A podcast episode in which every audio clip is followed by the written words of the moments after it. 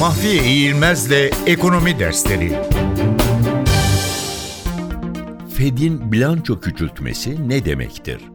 Küresel krizin başlangıcı olarak kabul edilen Lehman Brothers krizi çıkmadan önceki dönemde Amerikan Merkez Bankası Fed'in bilanço büyüklüğü kabaca 900 milyar dolar dolayındaydı. Küresel krizin çıkmasıyla birlikte Fed, önceki satın almalarına ek olarak niceliksel gevşeme denilen bir tahvil satın alma programı başlattı. Bu yöntemle Fed, mortgage'a dayalı kağıtları ve hazine kağıtlarını satın alıp karşılığında kağıtları ellerinde tutanlara bunların bedellerini nakit parayla ödemeye başladı. Fed Aralık 2008 ile Ekim 2014 arasındaki dönemde 3 farklı parasal genişleme programı uyguladı. Bu programları Ekim 2014'te sonlandırdığında Fed'in bilanço büyüklüğü yaklaşık 4,5 trilyon dolara ulaşmıştı.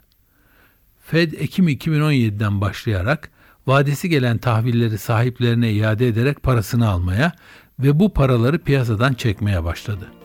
Fed'in bilanço küçültmesi operasyonu denildiğinde anlaşılması gereken program budur.